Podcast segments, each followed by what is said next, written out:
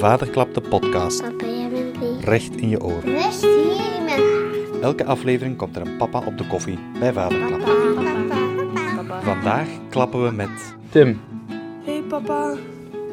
we hebben een tafel vol woorden en jij mag er een aantal kiezen. Ehm, ik heb gekozen voor kinderwens, Oké. aanwezig zijn, gekoppeld aan vakantie, want die ga ik samenpakken. Het beste willen, speelgoed, toekomst en loslaten. Oké, super. Mooie selectie. Ja, Tim, eh, welkom aan de vijver hier. goed om terug te zijn. Dank u, ja. Dat is eh, de vijver waar de eerste vaderklapdag doorging. We zitten hier best wel idyllisch. Een grote vijver, wat omgehakte bomen, Ja. een huisje. Een redelijk bewolkte hemel, maar toch het winterzonnetje. Rust vooral, Ja, dat zijn slechtere settings, denk ik. absoluut. Je hebt vier kinderen. Ja, vier kinderen. Ik heb eh, een zoon van 19, papa. Oké. een eh, dochter van 17, Hey, dochter daddy. van 13 Pap. en pleegkindje van 5. Oké, mooie combinatie. Ja. En dan komt er eh, elke maand nog een ander eh, pleegkindje bij ons voor een weekendje. Dus dat is 4,5, 5 ja. 4,5, ongeveer. 5. Oké.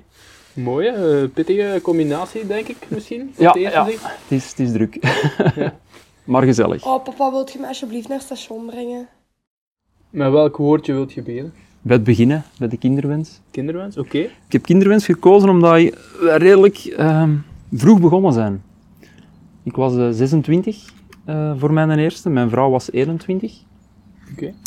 Ehm, maar ja, dat, was, dat is eigenlijk wel bewust, omdat wij toch wel duidelijk alle twee die kinderwens hadden en, en er ook wel wouden invliegen.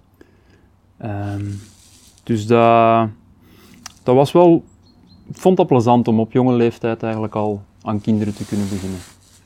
En hoe was de reactie dan van de vriendenkring? Die vonden het allemaal een beetje raar. de ouders ook wel voor een stuk. Ehm, maar ja, we woonden al een tijdje apart in, in, in Leuven. En we hebben dat wel goed, goed, goed kunnen... Al ja, ze zagen ook dat we er echt wel voor klaar waren. Ook zo wel. Ja, Het voordeel is dan wel een jonge papa. Absoluut, absoluut. En eh, jonge mama vooral ook. Hè. Ja. Ja. Is hij nu eh, tevreden van de keuze? Ja, ja, ja, ja, ja, zeker wel. Ehm, de, de klik die je hebt met je kinderen is toch wel beter, denk ik, als je jong begint. Ja. Je- ik merk dat nu ook ehm, naar mijn, jongere kinderen dan toe, dat dat toch niet hetzelfde is. Ehm, ja, je wordt wat ouder en je, hebt wat minder energie. En, eh, maar dat is fijn, zo je eerste kind jong krijgen, dat is, dat is echt wel een aanrader, zou ik zeggen. Onze eerste is eh ziekenhuis geboren. Tweede, ehm, toen waren wij in Afrika. Dus die is, die is in Namibië geboren, mijn oudste dochter. Dus de dubbele nationaliteit. Eh, nee, want we zijn niet lang genoeg gebleven. Maar dat was wel spannend. Dus, eh, ik werkte daar in een ontwikkelingshulpproject in de stadsziekenhuizen. Ehm, dus ik zag eigenlijk hoe dat allemaal niet moest. En we zijn dan ook bevallen bij een vroedvrouw. ehm, dat we toch een beetje die, die zekerheid wel wouden hebben. Maar dat was ook allemaal wel heel goed meegevallen. Ehm, ons derde is thuisgeboren. Dat was ook wel heel plezant. Dat was ook wel een hele ervaring. Geen schrik me, ik zou dadelijk denken, oei oei als er iets mis gebeurt, wat dan? Ja, dan zijn wij op vijf minuten in dienst in het ziekenhuis. Hè. Ja. Ja, dus, dat is wel een voorwaarde. Je moet wel dicht genoeg bij het, eh, bij het ziekenhuis zijn. Maar dat was, dat was heel sereen ook. Die vroedvrouw, dat, dat was een ervaren vroedvrouw. Die, die heb je eigenlijk niet, niet opgemerkt. Die, die zat daar zo op de achtergrond voor de praktische zaken te regelen. Op het moment dat er moest ingegrepen worden, kwam die er subtiel tussen en zo. Dat was een, een hele fijne ervaring. En voor de rest is jullie twee. En uw vrouw en uzelf. Ja, ja, ja, ja. Dat was, was heel fijn. Ik begrijp dat veel mensen daar schrik van hebben, maar als alles goed gaat, is dat echt, is dat echt enorm. Dan maakt het veel intenser misschien. Ja, ook. Ja, ja. En, en je kunt veel meer je eigen goesting doen. Hè. Dan in een ziekenhuis, waarin dat een, de dokter het overneemt. Allee, wat ik ook wel begrijp dat mensen dat nodig hebben, maar het was onze derde, dus we wouden dat echt wel zelf doen. Dat was, dat is heel fijn. En nu nog als we voorbij dat huis rijden, want we wonen daar nu niet meer, Dan is dat zo van, ah ja, dat is daar, dat is dat kamertje waar mijn dochter geboren is. Ja. Dat is wel schoon. Ik zie er al zo een, een plakje op de deur hangen later, als ze beroemd is. Van, eh, in dit huis werd, hè, op die een dag. Ja, en u- maar uw rol is dan ook helemaal anders. Want Ja, ja, ja, ja, ja. Je moet veel meer doen eigenlijk, want in het ziekenhuis lopen er als papa zomaar wel eh, zijdelings bij. Ehm, ja, daar moet je gewoon meedoen. Hè. Dat, is, dat is ook wel fijn als vader, je zit er echt wel veel, veel meer in dan in een ziekenhuis, vind ik. Dat, eh, we horen even de varkens op de achtergrond. eh. niet ons kinderen, de echte varkens. En dan... Ja, drie, ja. Oké, zo. Ja, en dan de vierde is uiteraard niet bij ons geboren. Die, Ja. die was acht maanden toen hij bij ons kwam.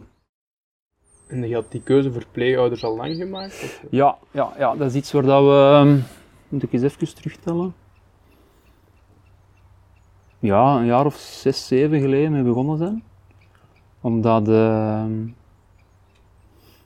mijn vrouw is ook pediatrisch verpleegkundige geweest, dus die, die heeft wel zo ook. allee, dat zit ook wel in haar natuur.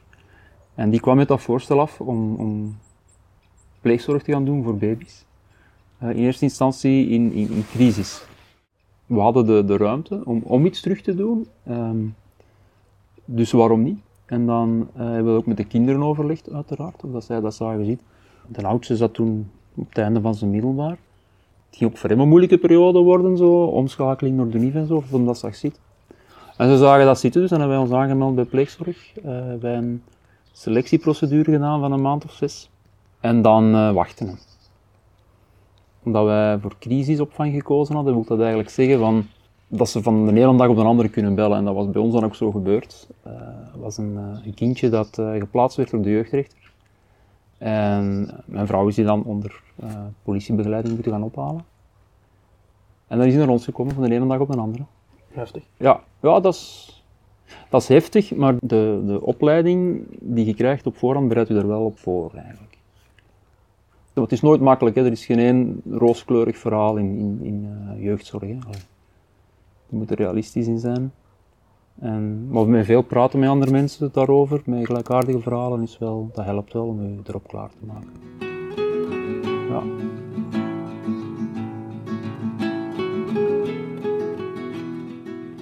Ehm, heel concreet bij ons, hebben we het al een paar keer gehad, is de pleegzorgdienst die belt. Kunt je daar iemand gaan halen of mogen we binnen een uur iemand bij u afzetten? En dan zeggen wij waarschijnlijk meestal ja en dan eh, staan ze daar. Hè? In de leeftijd. Ja, dan mocht je zelf een beetje kiezen. Ehm, en wij hebben, wij hebben gekozen voor babytjes, dus 0 tot 2 jaar. Omdat dat een beetje is wat ons, ja, onze kracht wel wat is ook zo als, als, ouders. Ik denk dat we nu vier keer, denk ik, een, een korte opvang gedaan hebben, waar dat er dan ene dan van omgevormd is naar langdurige opvang en ene naar eh, ondersteunend. Dus daar is niet echt een, een, een- nood eh, om, uit, allee, om een plaatsing te doen, maar om, als ondersteuning voor het gezin komt, eh, komt dat kindje wel een weekendje per maand bij ons. Is het iets dat je aanraadt? Ja, maar je moet het kunnen. Het, is, het vergt wel veel. Ehm, je hebt niet alles in handen. Er zijn redelijk veel regels rond. Tot voor kort bijvoorbeeld mochten wij in theorie zelfs niet het kapsel kiezen van het pleegkindje. Schoolkeuze moet in principe ook altijd eh, overlegd worden. En ehm, als we op vakantie gaan, moet dat ook altijd goedgekeurd worden door de jeugdrechtbank. Ehm, als je de draagkracht hebt, zou ik het zeker aanraden. Want je redt er iemand mee. Hè. Het is, zo simpel is het, je redt een kind. En als je dat kunt doen, is dat altijd de moeite, vind ik.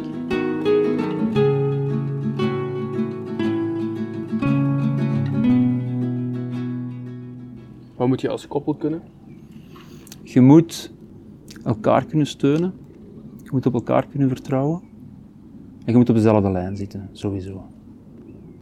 Dat je in de crisissituaties die er sowieso wel gaan komen, dat je echt wel weet wat je aan elkaar hebt en dat je op zo'n momenten niet onderling begint te discussiëren, maar dat je dan die, die kracht en die binding bij elkaar vindt om, om door de crisis te geraken. Kijkt je anders naar je eigen kinderen door het leefvader zijn? ik bewonder ze nog meer dan vroeger, eh, omdat zij er ook zo, zo betrokken bij zijn. Ehm, ze aanvaarden dat echt als, als ja, hun broer. En eh, ze hebben begrip voor zijn problematieken en, en zijn moeilijke situaties. En dat is iets dat ik in niet veel andere pubers of jongeren zie. Dus, ben wel matuurder. en bewuster ook, hè, ja. En bewuster van dat het niet altijd evident is hè, om een nieuwe gsm of eh, nieuwe computer of iets anders te krijgen. Dat er echt wel fundamenteler dingen zijn in het leven die belangrijker zijn. Hè. En verandert dat u als vader? Ehm, dat weet ik eigenlijk niet. Ik denk het niet, want ik zou voor mijn eigen kinderen net hetzelfde gedaan hebben. Het verandert mij als mens, maar als vader niet, denk ik.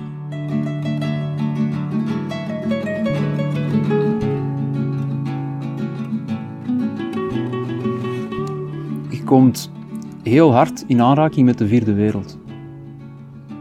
Ehm, de mensen die het niet goed hebben in hun eigen stad, in hun eigen land.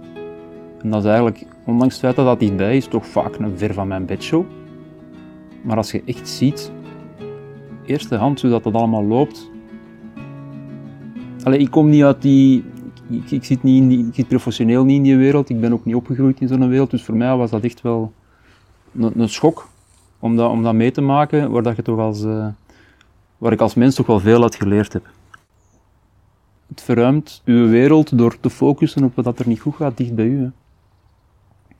Dat het niet altijd ver weg is waar dat het slecht is, maar dat er ook echt wel hier miserie en ellende is. Ja. Waar dat je dan wel iets aan kunt doen als je de stap durft te pakken.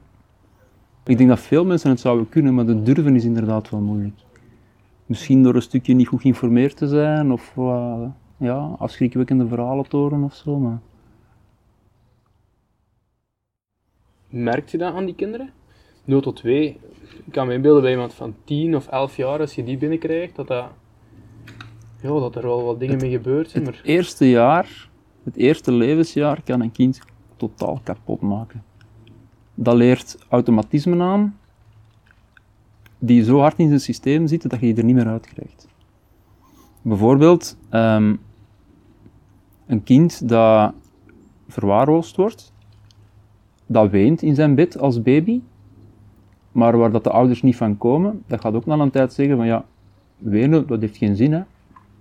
Dus die gaan niet meer die hulpkreet uiten als hem iets nodig heeft. Zo van die dingen.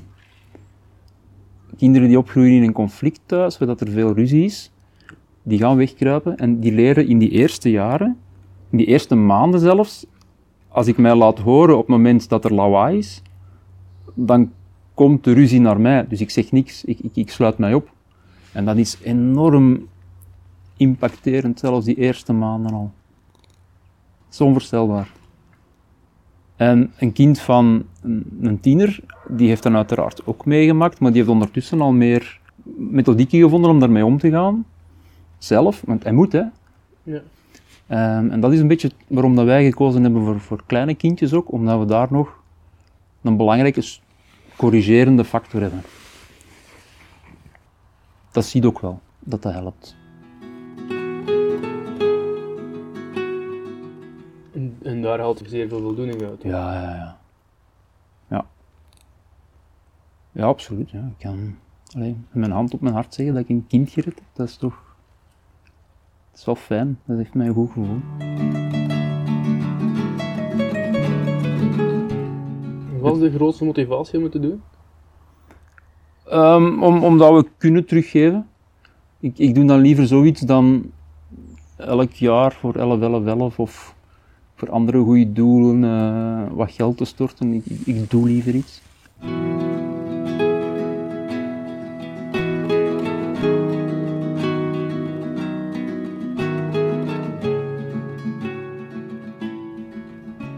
Je kunt, het systeem is nu een beetje veranderd. Hè? Dus de crisisopvang, je hebt nu korte, ze noemen dat perspectief biedend en perspectief zoekend. En in principe is er een, een, een, een hard verschil tussen, als je iemand in crisisopvang hebt, dan moet je die na x aantal weken, gaat die naar de volgende stap. Ehm, als je zegt van perspectief biedend, dan wil je iemand echt lange termijn bij u hebben. Ehm, dan kom je ook niet in aanmerking voor van die, van die noodoproepen, in principe. Maar bij ons, bij ons pleegkind, was dat systeem juist omgeslagen. Dus op het moment dat, ehm, dat onze eerste crisistermijn afliep, moesten wij eigenlijk beslissen of dat wij voor hem crisisopvang wouden blijven doen, of perspectief biedend. En dat was dan eigenlijk de beslissing van, gaan we dit pleegkindje nu laten gaan om een ander binnen te pakken? Of veranderen wij onze mindset en laten we hem gewoon blijven, want hij is hier toch goed en hij evolueert goed. En dan zijn we eigenlijk geswitcht naar, naar de twee. Dus we hebben ehm, nog een paar keer crisisopvang gedaan. Ehm, gelijklopend dan met die ondersteunende en die uh, langlopende. Maar de kans blijft dus bestaan dat, hij, dat het kindje dat jullie nu voortdurend bij jullie hebben, dat die op een gegeven moment... Dat je die het is een plaatsing vanuit de jeugdrechtbank, dus elk jaar is er een zitting waarin dat de rechtbank evalueert hoe dat het evolueert. En op basis daarvan ehm, een uitspraak doet of de maatregel verlengd wordt of niet. Dus het eerste pleegkindje dat wij hadden is zo na drie maanden teruggegaan. Um, omdat het toen thuis beter was. Dus die ouders hebben zich herpakt. Uh, de situatie was niet meer zo kritisch en het kindje is teruggegaan. Bij het kindje nu dat inderdaad niet het geval en ik denk niet dat.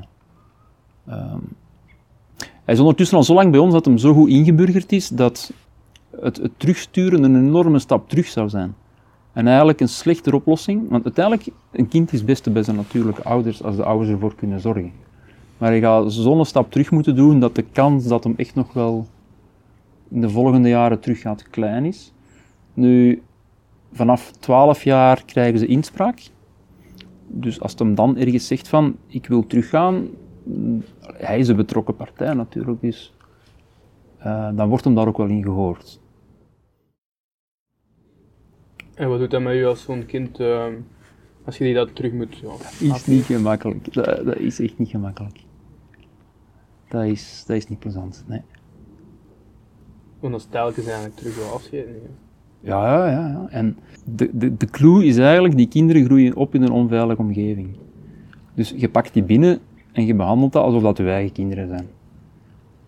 Um, dus daar afscheid van moeten nemen is alsof je je eigen kind ook afgeeft. Dat is niet je eigen kind, maar het is die, die, die liefde en die zorg hebben zij nodig om, om uit hun schelp te komen en te kunnen ontwikkelen als een normaal kind.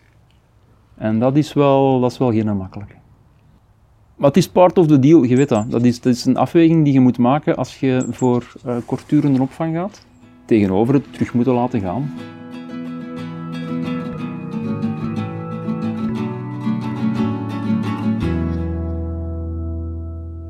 Loslaten had ik eigenlijk gepakt voor mijn oudste.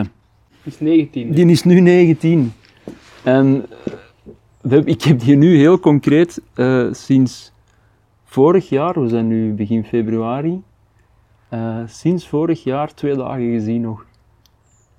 Omdat die, ja, die heeft examens, die zit op kot en zo, en die studeert beter daar dan, dan thuis, wat dat perfect is. Maar dan, dat is toch een moeilijke, hè. Die is twee dagen naar huis gekomen. We hebben samen nog uh, oudjaar gedaan. En dan is hij beginnen blokken. En dat is toch niet gemakkelijk. Zo. Ja, dat komt dan een beetje terug naar, naar er jong mee begonnen zijn. Dus je hebt echt wel een goede band. En nu dat die laatste twee jaar, zie je die zo weinig. Ik ben heel trots om hem te zien gaan en om te zien dat ik hem klaargekregen heb om een goede start te pakken.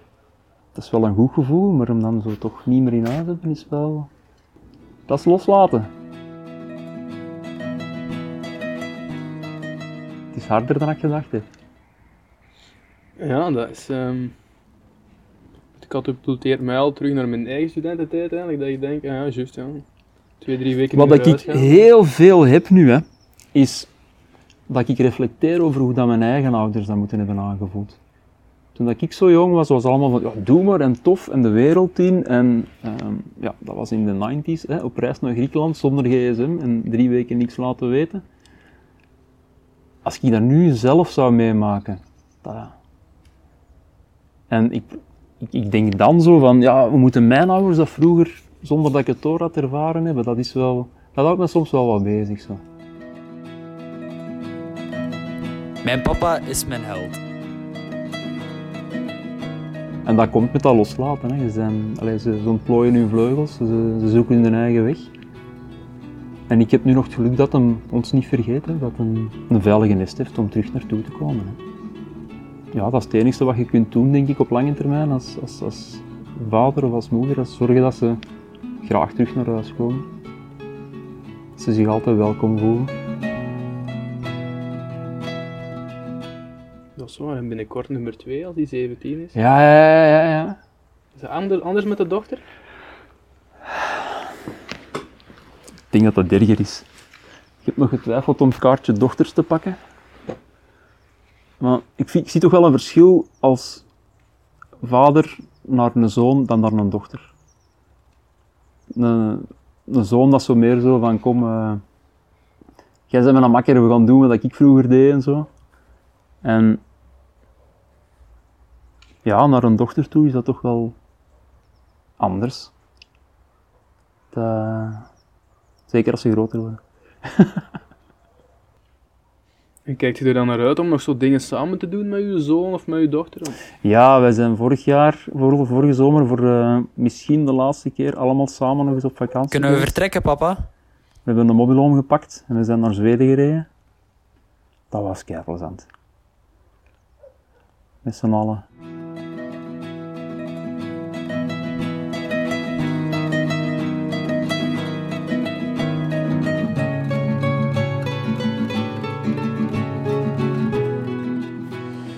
Wat heb ik hier nog zitten, ja? Ah ja, ja, speelgoed. Een van de tofste dingen aan papa zijn, vind ik dat ik terug met alles kan spelen. De Lego-blokken, de Playmobil. Heel veel niet weggegooid. En dat komt nu terug. En dat, dat, is, dat is geweldig. Gewoon met de kleine mee eh, op de grond gaan zitten, een bak blokken erbij, een bak Playmobil mannetjes en, en gaan. Politieachtervolgingen, brandweermannen. eh. dat vind ik wel echt super. Ja, dat speelgoed is wel leuk, hè. Ja, Al vaak zitten spelen als de kinderen slapen. Ja, vroeger wel. Ehm, dan is dat opruimen zo gezegd. Hè? Dan, dan haal je de blokjes bij elkaar en dan, ja, dan bouw je wat verder. Wat ik ook wel gedaan heb, is gezelschapsspelletjes geïntroduceerd van op jonge leeftijd. Ik ben zelf een geweldige gezelschapsspellen fan, maar ik woon eigenlijk ver van mijn familie en mijn vrienden. Dus niet echt veel tijd meer gehad om, om af te spreken. Dus ik heb dat bij mijn kinderen ingevoerd. En eh, nu spelen we regelmatig s'avonds een spelletje. Dat is favoriete van het moment. Ehm, we hebben pas ehm, Carcassonne teruggekocht. Dat is zo'n soort van domino-spelletje.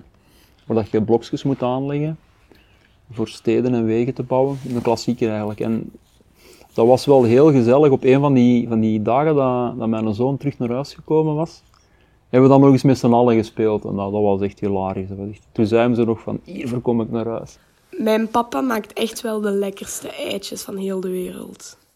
Dat is die veilige nesten, zorgen dat ze zonder druk zich welkom voelen. Hè. Niet liggen zagen van, ze zijn nu weer niet thuis geweest. En, en het is alleen voor de was dat ik u zie, maar gewoon blij zijn elke keer dat ze komen.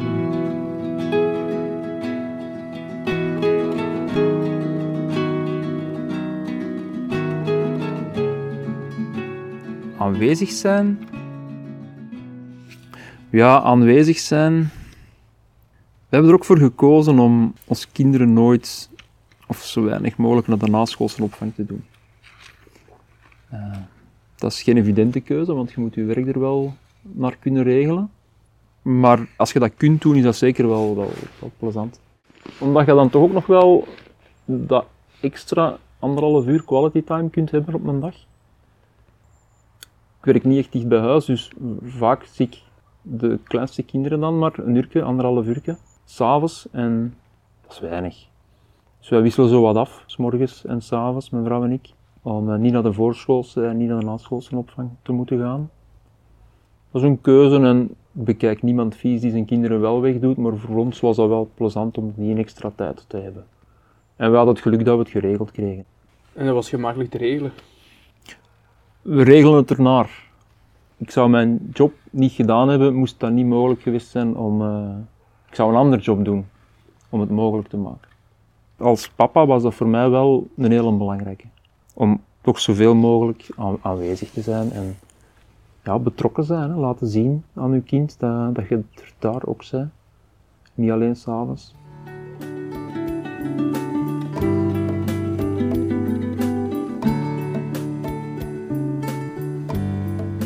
Ja.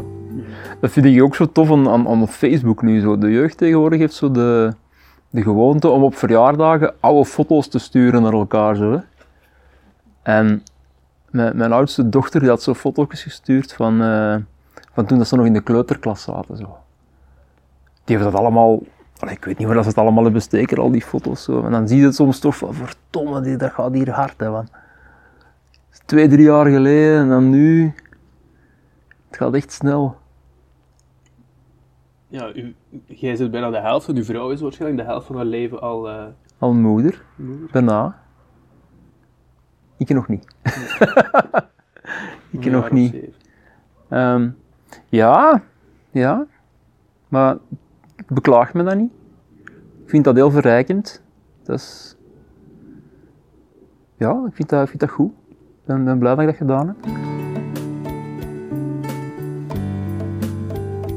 Het beste willen is eigenlijk zo dat dat het, het meeste is waarop dat je kunt hopen als vader. Je moet niet te veel sturen. Je moet gewoon zorgen dat het kind het beste uit zichzelf kan halen, vind ik. Elk kind is anders, elk kind heeft zijn beperkingen, zijn, zijn eigen potentieel. En laat het zichzelf zijn. Laat het ontwikkelen in de richting die, die het wil, die het aanstaat, zonder je te laten wijsmaken door Jan en Alleman dat Latijn, Grieks of dokter het ding is dat ze moeten gaan doen. Nee, laat het kind gewoon het beste uit zichzelf halen. Mijn job als vader is om dat mogelijk te maken. Niet om het te laten worden wat dat ik het beste vind, maar wat dat het beste is voor, voor mijn kind, wat dat uit mijn kind komt. Is dat gemakkelijk? Ik vind dat wel. Dat is een kwestie van aandachtig zijn. Uzelf wat achteruit stellen, uiteraard. Dat niet uw mening is die telt, maar de mening van uw kind. Maar dat is niet zo moeilijk, vind ik. Dat is ook mijn idee, gewoon. dat is mijn filosofie van, van opvoeden. Hè. Kinderen helpen groeien binnen hun context. Door ze sterk te maken in wat ze goed kunnen.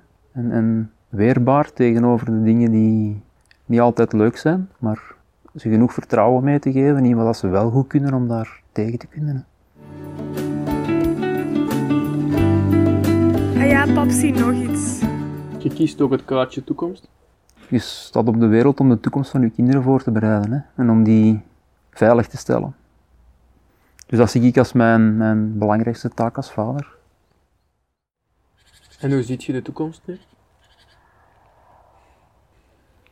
Zo wel. Ik denk dat we niet slecht bezig zijn binnen ons gezin. We gaan er nu een tweede lossen binnenkort. Dan wordt het even terug met vier in plaats van met zes. Ik ben wel trots op wat ik als papa bereikt heb.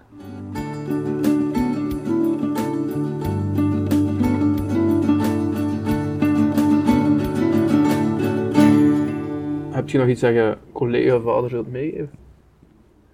Blijven gaan. Wij je niks laten wijsmaken, gewoon doen wat dat goed voelt voor u. Je instincten wat, wat volgen. En het, het moederinstinct is veel beschreven en eh, goed gedocumenteerd, maar het vaderinstinct is ook wel oké. hè. We zullen ons vaderinstinct volgen. ja, Oké. Oké. Merci Tim. graag gedaan. Papa, wilt je ontbijt voor mij maken? U luisterde naar een aflevering van Vaderklap, de podcast. Papa. Wil je meer van dit soort verhalen horen? Abonneer je dan gratis op de podcast via een podcast-app. Papa. Meer op vaderklap.be, op Facebook en op Instagram. Papa. Papa. Vaderklap is een initiatief van Pieter de Klerk en Dimitri de Sender. Pa, kom je eens kijken? Muziek van Olivier de Stuiver. Papa, kom eens. Montagetechniek Maarten Bouwen. Idee en realisatie Hans Hoed. Papa, kom je nu eens kijken? Hopelijk luistert u een volgende keer ook. Dan is het woord aan een andere papa over zijn vaderschap.